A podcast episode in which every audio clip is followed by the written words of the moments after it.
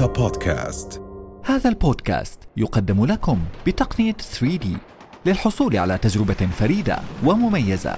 يرجى الاستماع للبودكاست بالهيدفونز. عمليات عمليات أجب. الهدف موقعي. علم علم. لا إله إلا الله. أشهد أن لا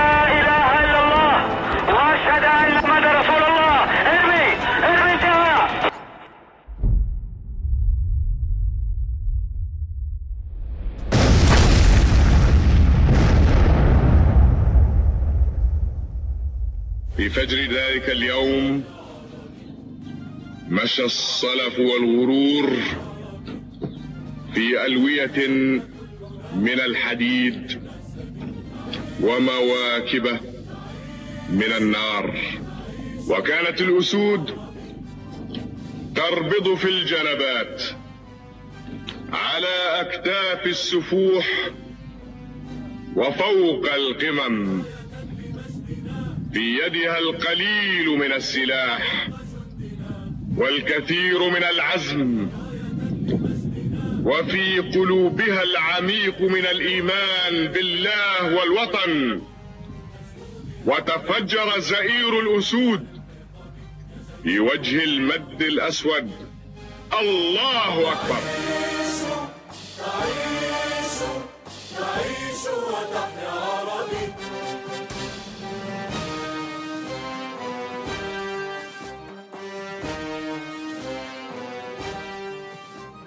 كان العرب لا يزالون تحت تأثير الصدمة من هزيمة حزيران عام 67 أمام عدو احتل أراضي ثلاث دول عربية عندما أيقظهم الانتصار الأردني في معركة الكرامة في الحادي والعشرين من آذار عام 68 بفارق عشرة شهور فقط ما بين هزيمة غير مستحقة وانتصار مشهود على جيش ذلك العدو نفسه.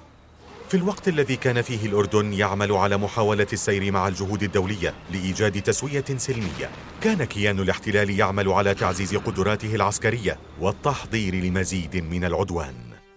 لكن الهزيمة غير المستحقة التي تعرض لها الجيش العربي لم تخلق فيه اليأس والعجز بل حفزته للرد والثأر والانتقام وهذا ما لم يحسب له كيان الاحتلال أي حساب. الانتقام من الهزيمة.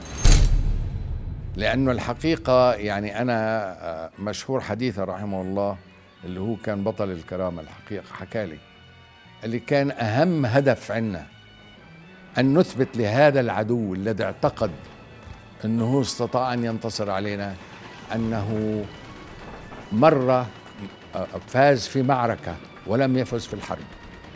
فأردنا أن نثبت له أن الحرب انتهت بالكرامة. الهزيمة الناجمة عن عدوان حزيران ونتيجة للمرارة التي اجتاحت النفوس وحالات اليأس التي ملأت القلوب. عززت نشاط العمل الفدائي على أنه رأس الحرب للتحرير وأعطي العمل الفلسطيني المسلح الفرصة ليعيد تنظيم نفسه ويعبر عن كينونته ويكون طليعة جهود التحرير بدعم واضح ومسؤول من قبل دول المواجهة ومن بينها الأردن. انتشرت قواعد العمل الفدائي على طول خط وقف إطلاق النار في الأغوار والجبال. وكان العمل الفدائي أحد الوسائل للضغط على كيان الاحتلال وكان يغطى من قبل الجيش العربي بالقصف المدفعي عبر نهر الأردن. يعني يمكن القول أن معركة الكرامة قد ابتدأت مع نهاية حرب حزيران 67 عندما عرض العدو على المغفور له الملك الحسين بأن تعاد ما نسبته 95 إلى 97% من الضفة الغربية المحتلة مقابل توقيع معاهدة سلام. إحنا طول الوقت وإحنا مقدرين في هالبلد بأنه راح نكون مع أمتنا عرضة لعدوان جديد ومحاولة من قبل أعدائنا للتوسع على حسابنا. وطيلة السنوات اللي سبقت كنا نحاول خطوتنا في تعريب الجيش وكل محاولاتنا في سبيل توحيد الصفوف في الوطن العربي. حشد القوة والتنظيم كانت لمثل هذا الاحتمال ولمواجهته. في بلدة الكرامة التي كانت تضم مخيما للاجئين الفلسطينيين منذ عام 48 كانت قيادة العمل الفدائي في غور الأردن وأقام فيها معسكرا للتدريب. تقع بلدة الكرامة في الغور الأوسط وهي أرض زراعية منخفضة اشتهرت ببساتينها وخضرتها الدائمة وتكثر فيها المياه والآبار الارتوازية. أدت نشاطات الفدائيين إلى تزايد التوتر عبر خط وقف إطلاق النار على طول النهر. كان كيان الاحتلال يرد عليها بعمليات تعرضية وأحيانا غارات عدوانية تستهدف المدنيين من باب الضغط على المقاتلين وعلى الجيش العربي الذي تحمل ردود الفعل العدوانية من كيان الاحتلال. ضد منطقة الأغوار والقرى الأمامية. كانت نتائج عدوان حزيران عام 67 كارثية على الأردن وعلى الجيش العربي من حيث الخسائر المادية وخسارة الأرض والشهداء. لكنها لم تكسر شوكته أو تطفئ جذوة معنوياته وتحفزه للثأر. بشكل قياسي بعد حرب حزيران تمكن الجيش العربي من إعادة تنظيم نفسه وتعزيز دفاعاته على المرتفعات الغربية والاستعداد لكل طارئ. أيها الرجال في أرض المعركة في مواقع الشرف والكرامة والفداء والتضحية إعجاب أمتكم واعتزازها وإيمانها بكم بعزماتكم بأكفكم الضاغطة على الزناد بقلوبكم الجريئة التي لا تهتز ولا تهلع ولا تخاف الموت. كان ثأر حزيران يدغدغ أحلام الجنود الذين كانوا في شوق عظيم إلى القتال وتلهف للنزال. قبل أسابيع من المعركة لاحظت الاستخبارات العسكرية الأردنية تحركات عديدة لقوات العدو في الجانب الآخر من الجبهة.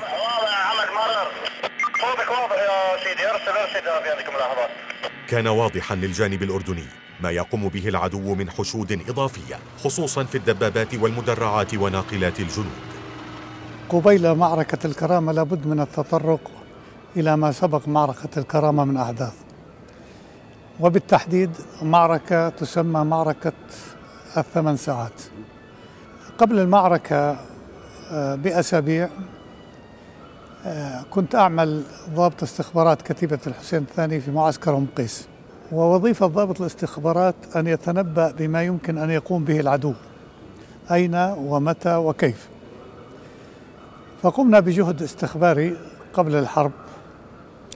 استنتجت أنا والزميل قاسم اللي هو ضابط استخبارات الكتيبة الرابعة أن العدو سيقوم بقصف مواقعنا خلال 24 ساعة بالمدفعية والطائرات. هذا يعني أن العمل الاستخباري يفوق أحيانا المدفعية والدبابات والآليات. جاءت معلومات من مدراء البلدي من رؤساء البلديات في الضفة. اجتمع بهم مشذيان وقال لهم نهاجم شرق الأردن ونحتل المرتفعات وإلى آخره. فوصلت المعلومات إلى القيادة. لذلك لم تكن معركة الكرامة مفاجئة. من بداية الشهر رصدت الاستخبارات وجمعت المعلومات عن تحركات العدو وكان واضحا منذ البداية أنه يحضر لهجوم واسع عبر النهر له أهداف وأبعاد غير عادية توقعت التقارير الدقيقة للاستخبارات العدوان فاستعد الجيش بالحشد المضاد كان على قدر التحدي وتحقيق النصر.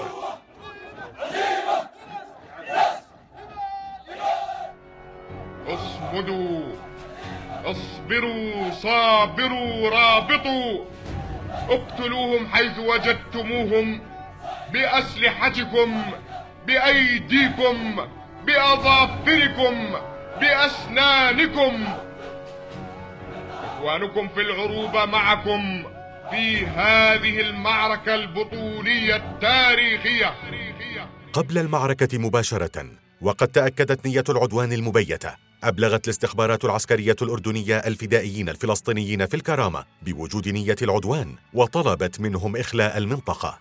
تم إخلاء البلدة من المدنيين. أما الفدائيون فقرروا الصمود. وانتشروا بالخنادق ووضعوا الكمائن مما أفقد العدو عنصر المفاجأة.